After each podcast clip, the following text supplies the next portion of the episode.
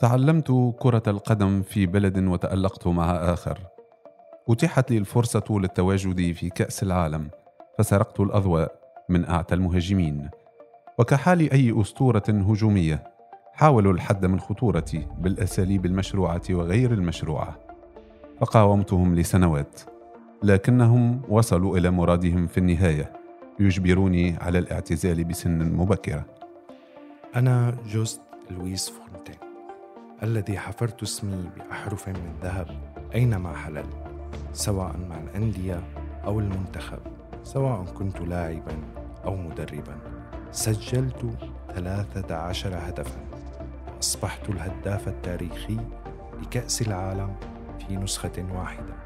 فعلت ما لم يفعله بيليه ومارادونا ورونالدو وميسي. لأصبح مرجعا لأي مهاجم هداف في كؤوس العالم. إذا لم يكسر رقمي مبابي أو هالاند أو ساكا فلن يصل إليه أحد. ففي هذا العالم خلق فونتين واحد فقط والآن أرحل بهدوء. أعزائي المستمعين والمستمعات مرحبا بكم في هذه الحلقة الجديدة من برنامج أساطير على بودكاست بي إن سبورتس والتي سنسلط الأضواء من خلالها على أيقونة وأسطورة كروية فرنسية صالت وجالت في القرن الماضي والتي هي جوست فونتين. في البداية أود أن أرحب بالزميل مازن الرئيس مرحبا أنور مرحبا عليك وعلى جميع السادة المستمعين والمستمعات في كل مكان. في البداية لمن لا يعرف الأسطورة الفرنسية جوست فونتين سنحاول تقديم نبذة عن سيرته الشخصية. الزاخرة بالتنوع والثراء. جوست فونتين هو لاعب كرة قدم فرنسي سابق شغل, شغل خطة مهاجم صريح يعني رأس حربة ولد في الثامن عشر من شهر أغسطس من عام 1933 هو من أب فرنسي وأم إسبانية. وتوفي الأسطورة منذ آه، الأول من شهر مارس من العام الحالي 2023 عن عمر ناهز 89 عاما. نجم كبير بكل تأكيد أنور جوست فونتين من مواليد الثامن عشر من أغسطس 1933 نجم فرنسي بكل ما تعنيه الكلمة بمعنى كان هو هداف كأس العالم 1958 برصيد 13 هدفا وهو رقم قياسي مرعب كأكثر لاعب تسجيلا للأهداف في نسخة واحدة من كؤوس العالم. مازن شق كبير من عشاق الساحرة المستديرة لا يعرف أن لفونتين جذورا عربية فجوست فونتين من مواليد مدينة مراكش المغربية حتى مماته كان يملك الجنسية المزدوجة الفرنسية والمغربية. لعب أيضا للمنتخب المغربي عام 1952 و 1953 في تلك الفترة كانت الدول التي ترزح تحت الاستعمار الفرنسي مثل المغرب والجزائر وتونس تأخذ مباريات فيما بينها بمشاركة لاعبين أجانب ومحليين وكانت تعتبر منتخبات جهوية أو مناطقية حيث كانت تتواجه فيما بينها. أيضا هناك كانت مسابقات على مستوى الأندية كأس شمال أفريقيا كانت تجمع بين هؤلاء اللاعبين من الجنسيات المختلفة.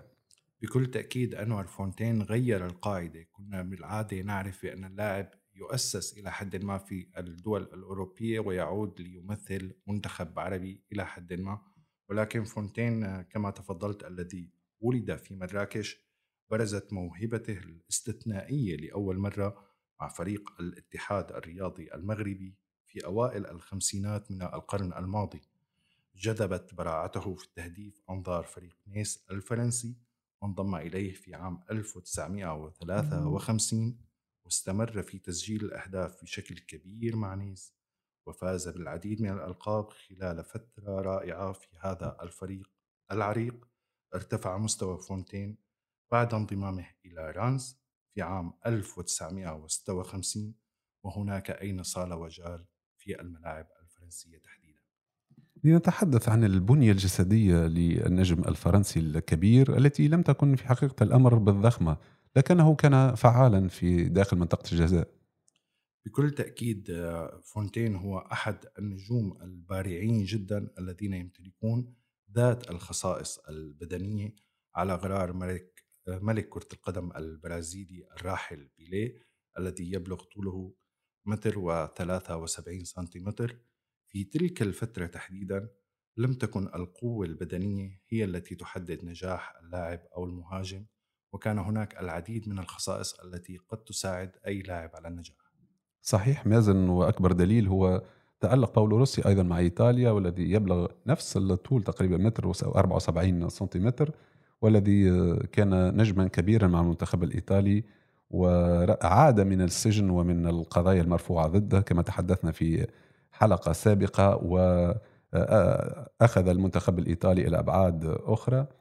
بدايته الكروية كلاعب كانت من الدوري المغربي مع نادي الاتحاد الرياضي المغربي بالدار البيضاء عام 1950 يعني بداية غريبة. بكل تأكيد كانت بداية غريبة جدا مع الاتحاد الرياضي المغربي ولكن هذا اللاعب النجم ومنذ بداياته عشق ما يسمى بكسر وتحطيم الأرقام القياسية. تخيل أنور ب 48 مباراة فقط سجل 62 هدفا ومن هناك انطلقت قصة هذه الأسطورة الفرنسية المغربية. بالحديث عن هذا النادي المغربي الاتحاد الرياضي المغربي أسسه السياسي الفرنسي لوي أنطريو عام 1913 في عهد الاستعمار الفرنسي للمغرب. ثم في عام 1958 تم دمج فرع كرة القدم في هذا النادي تحت مظلة نادي الوداد الرياضي العريق. بعد ثلاثة مواسم مع نادي الاتحاد الرياضي المغربي انتقل فونتين إلى الدوري الفرنسي من بوابة نيس. تقمص الأسطورة ألوان الفريق الفرنسي العريق انطلاقا من عام 1953 حتى 1956 سجل النادي الفرنسي العريق 52 هدف في 83 مباراة خاضها بأزيائه بداية قوية للنجم الأسطوري. بالتأكيد أنور محطة نيس كانت مهمة جدا بالنسبة لهذه الأيقونة الفرنسية بفضلها أدار فونتين الرقاب كما يقال إليه مما مكنه من الانتقال إلى رانس النادي الذي عاش فيه أحلى أيامه ضمن مشواره في عالم المستديرة. بعد ذلك آه، انضم إلى النادي الرائد في ذاك الوقت ستاد دي رانس للتعويض عن رحيل ريمون كوبا إلى النجم الكبير. النجم الكبير. آه، وبكل تأكيد أتت المغامرة ثمارها حيث عاش فونتين أفضل ساعاته في قميص رانس آه، يمكن أن نقول بأنه فاز بكل شيء ممكن. على المسرح الوطني تحديدا فاز بكل شيء. في عام 1958 انتزع ثنائية الدوري والكأس حيث أيضا احتل المركز الأول في قائمة هدافي الدوري الفرنسي برصيد 34 هدفا في 26 مباراة. عام 1960 أيضا كان عام مميز بالنسبة لهذا اللاعب فقد فاز بالدوري مرة أخرى وفي عام 1959 على المستوى الأوروبي كان الموسم رائع إلى حد كبير حيث شارك في نهائي كأس أوروبا التي خسرها أمام ريال مدريد بهدفين دون مقابل وكان وقتها هو هداف هذه المسابقة بعشرة أهداف. تلك المباراة النهائية كانت عاطفية جدا بكل ما تعنيه الكلمة من معنى لأنها جمعت فونتين بكوبا. وكما نعلم فونتين أتى إلى رانس لتعويض كوبا. وأيضا هذا اللاعب كوبا الذي واجه فريقه السابق والغلبة كانت له وساعد ريال مدريد على الفوز باللقب. على العموم وإجمالا سجل 122 هدفا في ستة مواسم. معنا مع رانس عفوا بما في ذلك موسم كامل قضاه للعلاج للعلاج من إصابة خطيرة في الساق. إذا ألقاب عديدة توج توج بها جوست آه، مع مع كل الأندية التي آه، لعب لها. لنستعرض مازن بعض هذه التتويجات وأنت على دراية بهذه الأرقام. بكل تأكيد بداية من الكرة المغربية وتألقه بالكرة المغربية فاز بلقب الدوري المغربي مع الاتحاد الرياضي المغربي عام 1952 آه، بطولة شمال أفريقيا. بذات العام كأس شمال أفريقيا 1953 مع ناس بين 1953 و 1956 توج بالعديد من الألقاب آه، بدءا من الدوري الفرنسي 1956 كأس فرنسا 1954 السوبر المحلية 1956 آه، مع رينس أيضا كان لديه كما ذكرنا العديد من الألقاب آه، اللقب الدوري الفرنسي الأهم في ثلاث مناسبات كأس فرنسا 1958 السوبر الفرنسية مرتين في 58 و 1960 وكما ذكرنا اللقب الأهم الذي لم يتمكن من التتويج به على مستوى الأندية كان نهائي بطولة كأس أوروبا للأندية البطلة دوري أبطال أوروبا حاليا. حين خسر النهائي أمام ريال مدريد. أمام ملك كرة القدم. أمام ملك كرة القدم في تلك الفترة ملك أيضا. أيضا في تلك الفترة كان الفريق المسيطر سيطر. على أوروبا والوصول إلى النهائي ومواجهته وأن تخسر بعد مباراة قوية كان يعتبر إلى حد كبير إنجاز أمام ريال مدريد. فعلا. إذا مسيرة مذهلة وعديد الألقاب لجوست فونتين مع كل الأندية التي تقمص ألوانها لنتحدث الآن مازن عن مسيرته الدولية مع الديوك خاض فونتين 21 مباراة مع المنتخب الفرنسي سجل خلالها 30 هدفا. يبقى مونديال السويد 1958 خالدا بالنسبة لفونتين حيث حقق أرقاما لم تكسر إلى يومنا هذا. إنه اللاعب الوحيد في تاريخ كرة القدم الذي أحرز 13 هدفا في كأس عالم واحدة في ست مباريات. إنجاز غير مسبوق ومسيرة دولية محترمة جدا. بكل تأكيد إذا أردنا أن نتحدث عن منتخب فرنسا فترة الخمسينات فلا يمكن تجاهل ما فعله فونتين ومنذ المواجهة الأولى التي خاضها على الإطار الودي أمام لوكسمبورغ في عام 1953 آه، كشف عن مدى نجوميته عندما سجل هاتريك. نجوميته أيضا كانت في نهائيات كأس العالم 58 كما ذكرت. سافر مع منتخب بلاده وهنا قصة طريفة لهذا اللاعب. سافر كلاعب احتياطي وكان من الممكن أن لا يشارك حتى مع المنتخب. استفاد من إصابة هداف الفريق الأساسي بليار. أتيحت له الفرصة ليكون ضمن التشكيلة الأساسية. وعندما وعندها بدأت قصة هداف من طراز نادر لا يزال اسمه خالدا بفضل أهدافه الثلاثة عشر في نسخة واحدة وخلال ست مباريات فقط. هذا الإنجاز الذي عجز عن تحقيقه أي لاعب حتى الآن. أيضا قاد فرنسا إلى نصف النهائي للمرة الأولى في تاريخها. كان الخصم هذه المرة منتخب البرازيل. وهنا أيضا قصة غريبة جدا. برازيل بيليه. بكل تأكيد وكانت القصة غريبة جدا بين مواجهة البرازيل وفرنسا. تقدمت البرازيل بهدف في الدقيقة الثانية قبل أن يعادل فونتين بعد سبع دقائق. اضطرت فرنسا لإكمال المباراة كاملة بعشرة لاعبين وليس ليس للطرد هذه المرة وإنما لخروج اللاعب روبير جونكيه بداعي الإصابة. آه، في تلك الحقبة لم يكن من المسموح تبديل لاعب كانت بلاعب قوانين أخرى. بكل تأكيد قوانين أخرى. استفادت البرازيل من الموضوع وتقدمت آه، بخمسة أهداف لهدف بفضل هاتريك مميز لبيليه. قبل أن يضيف روجيه بيانتون هدفا ثانيا شرفيا للديوك كانت المباراة قد حسمت منطقيا وفازت البرازيل بخمسة أهداف لهدفين. قبل أن تتوج بالنتيجة ذاتها على حساب السويد في النهائي باللقب الأول في تاريخها. كل ذلك لم يثني من عزيمة فونتين. فقد قاد المنتخب الفرنسي للفوز بالبرونزية بتسجيله أربعة أهداف للذكرى أمام ألمانيا عندما انتصر المنتخب الفرنسي بستة أهداف لثلاثة وتوج وقتها هذا اللاعب بلقب هداف البطولة بكل تأكيد. مشوار استثنائي لجوست فونتين مع المنتخب الفرنسي في كأس العالم 1958 إذا انتهت مسيرته الكروية بشكل مفاجئ بعمر الثامنة والعشرين ما السبب مازن؟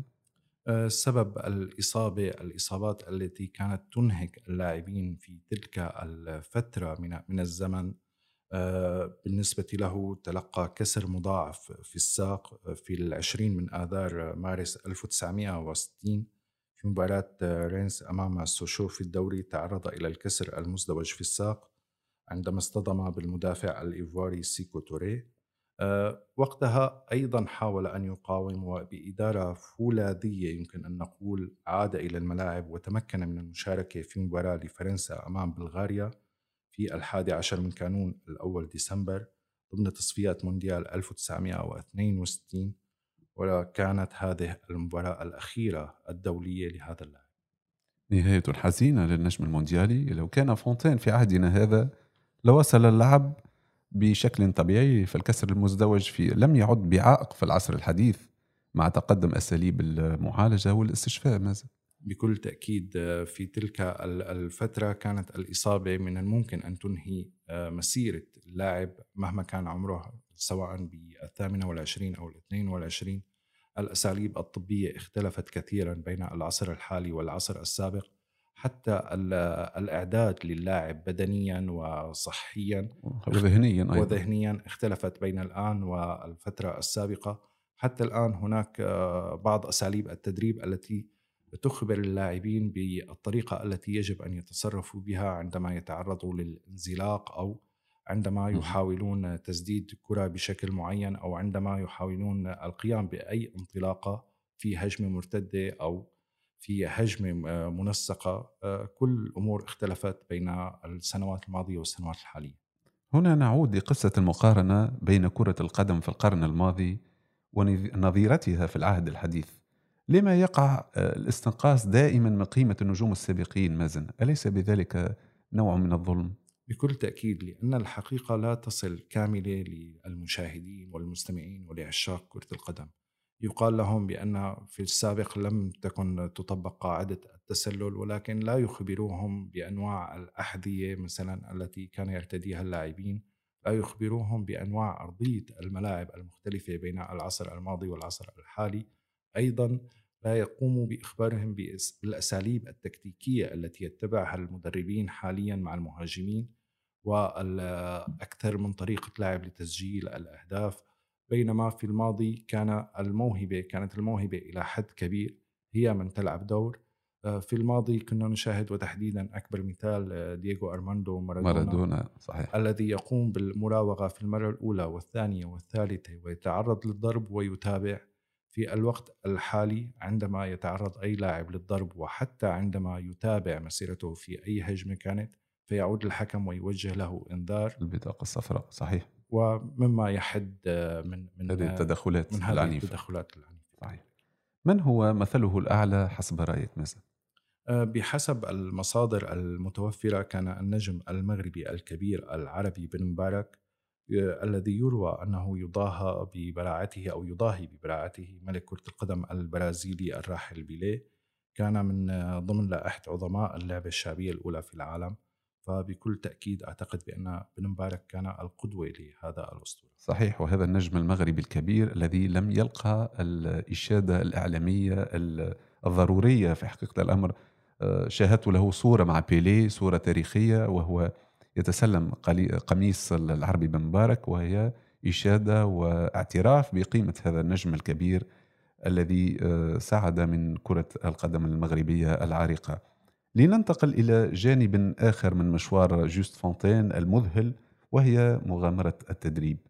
كيف كانت مسيرته التدريبية مازن؟ شخصية هذا اللاعب والعديد من الأساطير دائما ما تكون متشابهة إلى حد كبير. تجدهم لا يبحثون كثيرا عن عن التدريب يريدون أن يوازوا بنجاحهم في المسيرة التدريبية ذات نجاحهم كلاعبين وهذه القاعدة ليست دقيقة.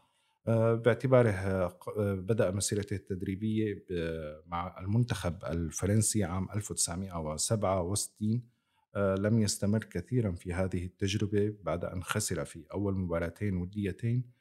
الإنجاز أحد الإنجازات البارزه كانت تدريب باريس سان جيرمان بين 73 و 76 عندما صعد بالفريق إلى مصافي الدرجة الأولى عام 1974 آه، مع المنتخبات انهى مسيرته التدريبية مع العشق كما هو قال في وقت سابق ويعترف كثيرا هو بأفضال المغرب عليه عندما قاد المنتخب المغربي إلى المركز الثالث في كأس الأمم الأفريقية 1980 الإنجاز اللافت الذي أيضا كان آه، لم لم يتم التطرق إليه كثيرا وهو بأنه كان قريب جدا من قيادة منتخب المغرب إلى كأس العالم 1982 آه، خسر مع الكاميرون القوية في تلك الفترة والتي كانت تضم روجيه ميلا في المباراة الحاسمة الجيل الذهبي الكاميرون. بكل تأكيد المؤهلة كانت للمونديال.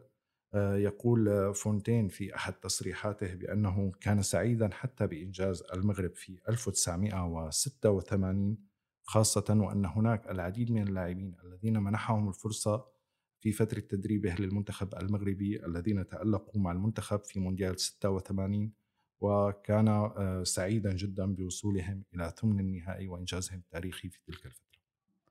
ألا ترى مازن أن فونتين لم ينل ما يستحقه إعلاميا من إشادة وإطراء خصوصا وأن لديه أرقام جد ملفتة للأمانة يعني. بكل تأكيد الموضوع الإعلامي آه، يخضع لعدة معايير. قد يكون اللاعب لا يحب الظهور الإعلامي بعد اعتزاله. أيضا عدم استلامه لمناصب آه، إدارية إضافة أو عدم استلامه لمناصب فنية يمكن أن نقول. نحن نتحدث عن لاعب معدله التهديفي في الدوري الفرنسي. كان 82 آه، أقل من واحد تقريبا بالهدف في كل مباراة وهو أعلى معدل تسجيلي للاعب فرنسي سجل 150 هدفا على الأقل في المسابقة. كان من المفترض أن يتم تسليط الضوء أكثر على هذا اللاعب. في كل محفل يتعلق بالتهديف خاصة في الكرة الفرنسية كان يجب أن يظهر وأن يكون موجودا. هل كانت ينقص مسيرة فونتين تجارب أخرى مع أندية أوروبية عريقة مثلا. بكل تأكيد آه، لو أنه لعب مع ريال مدريد في الفترة الذهبية كان من الممكن أن يسطع نجمه بشكل أكبر أكثر. وشكل أكثر ويتم حمايته وأيضا تطوير موهبته بشكل أكبر. ولكن آه، أحيانا يكون اللاعب يرغب بالإستقرار في مكان ما سعيد بالأجواء وصل كما قلنا إلى نهائي كأس دوري أبطال أوروبا بالتسمية الحديثة كان من الممكن أن يتأمل بأنه سيستطيع في فترة لاحقة أن يحقق الإنجاز ولكن الإصابة أنهت كل شيء. بعد وفاته تتالت ردود الأفعال المشيدة بتاريخ أسطورة كرة القدم الفرنسية. فبمجرد إعلان خبر وفاة آه، جوست فونتين سارعت كل الأندية تقريبا المهمة في الدوري الفرنسي وغيرها من الدوريات الأخرى بإعلان التعزية والإشادة بتاريخ فونتين الكبير.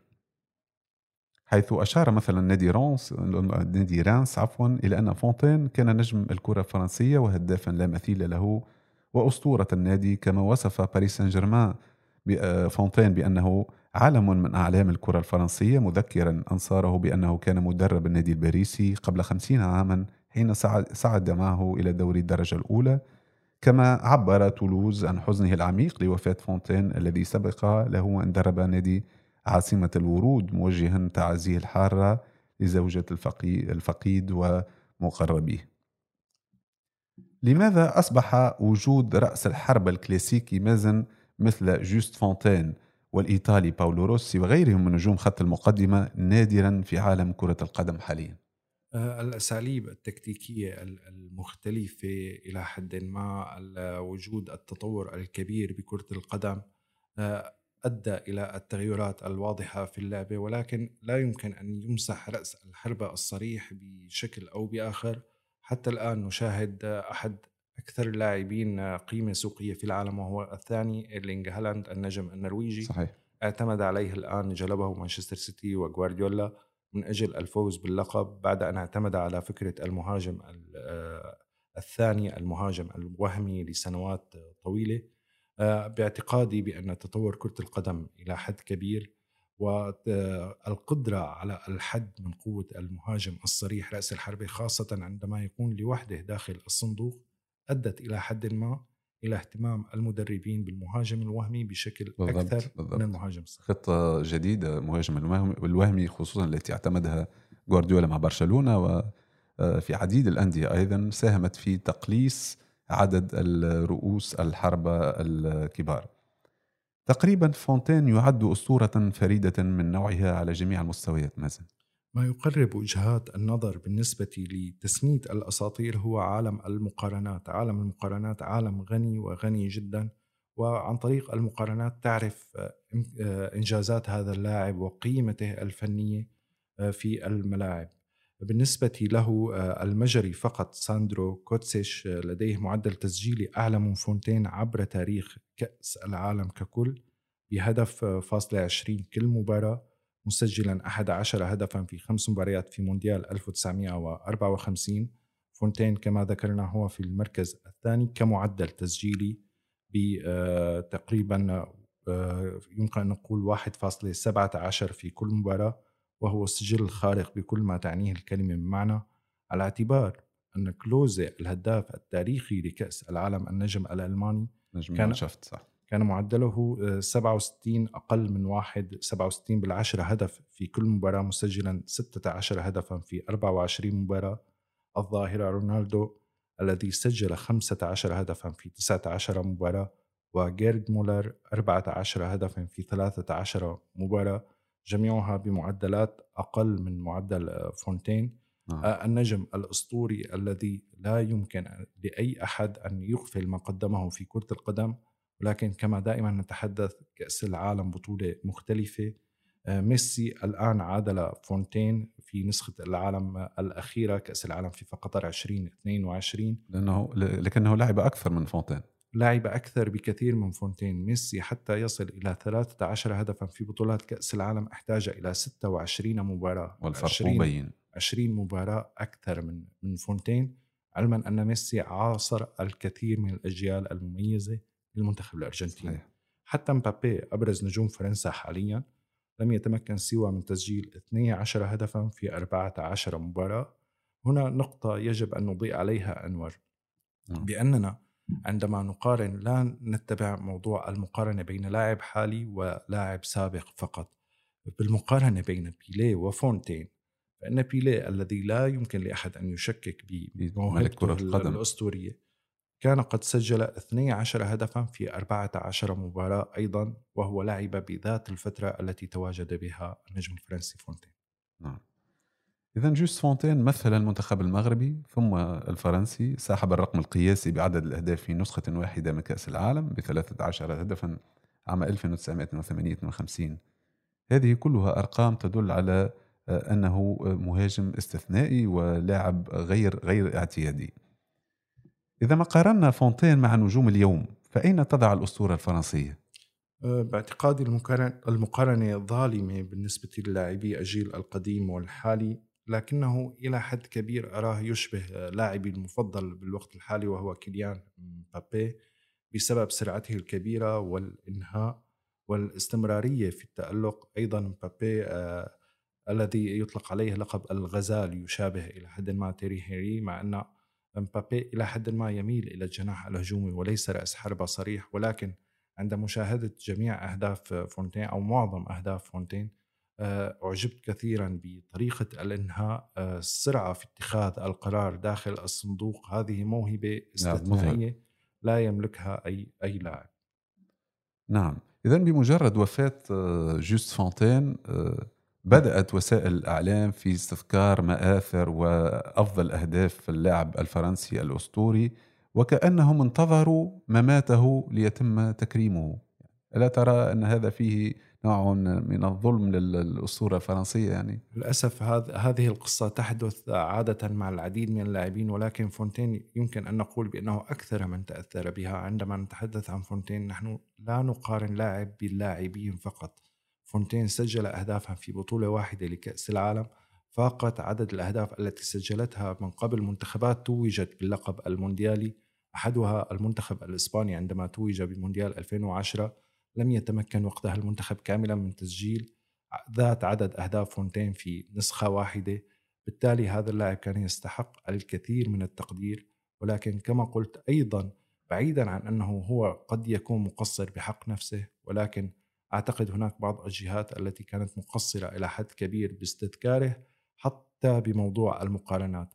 في مقابلة لقاء قديم سألوه عن مبابي تحديدا عندما وصل إذا كان بالإمكان أن يحطم رقمه التاريخي فقال صعب جدا.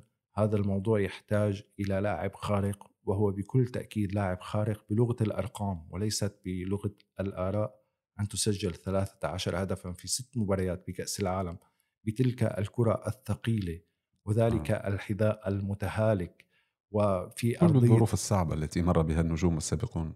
بكل تأكيد أرضية الملاعب السيئة جدا. عدم آه، أحد الأمثلة التي قلناها بأنه أمام البرازيل أصيب لاعب لم يتمكن المنتخب الفرنسي بسبب القوانين. بسبب القوانين. كل ذلك ويتم آه، غض البصر عن عن نجومية هذا اللاعب فبالتاكيد آه، كان هناك تقصير كبير بحقه. لو كان موجودا وينشط في وقتنا هذا لربما كان ملكا لكرة القدم أيضا.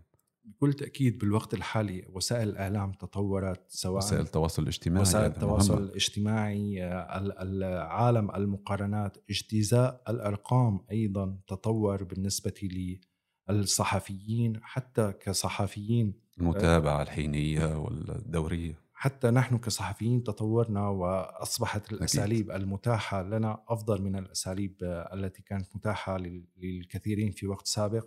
وبالتالي آه، فونتين لو كان موجودا بالوقت الحالي آه، كان من الممكن أن يكون الأفضل بالعالم وأن يكون رمزا وأن تصل قيمته السوقية لأكثر من 100 مليون يورو بكل بساطة يعني. آه، بالنسبة لمبابي مثلا وصلت قيمته السوقية إلى 180 تم شراؤه ب 180 مليون يورو, يورو. بعمر 18 عاما تقريبا. هذا يؤكد مدى الجفاف إلى حد كبير في المواهب الاستثنائية عندما نتحدث وبالتالي فونتين لاعب بهذه المواصفات البدنية والفنية الرائعة كان من الممكن أن يكون أحد أغلى اللاعبين في العالم بالوقت الحالي. اذا لنحوصل مازن آه، كيف ترى مسيرة هذه الأيقونة الفرنسية والأسطورة الخالدة على امتداد مشواره الرياضي الذي للأسف لم يكن طويلا لكنه كان مذهلا؟ آه، هناك موضوع الصدفة وأنا أقوم بقراءة سيرته الذاتية لأكثر من مرة قلت بأن الصدفة للأسف آه، أنهت مسيرته في سن 28 عاما ولكن الصدفة أيضا قادته للعب مع المنتخب الفرنسي في نهائيات كأس العالم بعد إصابة المهاجم الأساسي صحيح. صحيح. وبالتالي لا يمكن أن نقول من جانب آه، كان الحظ معه إلى حد ما ومن جانب آخر كان الحظ ضده النهاية كانت حزينة جدا لهذا اللاعب آه، بسبب هذا اللاعب يمكن أن نلقي الضوء على المشاكل الكبيرة التي كان يعاني منها المهاجمين الذين لم تكتمل موهبتهم في فترة من الفترات آه، أيام الخمسينات أو الستينات آه، بيلي ومارادونا والعديد من النجوم دائما سيرتهم حاضرة على اعتبار أنهم استمروا لفترة طويلة تمكنوا من تجاوز الإصابات ولكن صح. ولكن هناك لاعبين مثل فونتين كثيرين مثل فونتين ربما لم يحققوا ذات إنجاز فونتين في كأس العالم إلا أن الإصابات أنهت مشوارهم بشكل مبكر شكرا مازن على هذا الطرح الرائع وشكرا على كل الأرقام التي آه، طرحتها في هذه الحلقة المميزة بشأن النجم الفرنسي الأسطوري جوست فونتين. شكرا لك أنور وشكرا لجميع السادة المستمعين والسادة المستمعات في كل مكان. ترجل عن عمر ناهز 89 عاما. رحل لكنه ترك إرثا عظيما سيبقى راسخا في ذاكرة عشاق الساحرة المستديرة. شخصية كروية استثنائية ترعرعت في الأراضي المغربية. ثم نقلت سحرها للملاعب الفرنسية. عرف بسرعته وحسه التهديفي المميز وحسن تموقعه داخل مناطق الخصوم. أدار الرقاب إليه في مونديال 1958 حتى أصبح النجم الأول للكرة الفرنسية. جوست فونتين أسطورة كروية من طينة كبار الجلد المدور.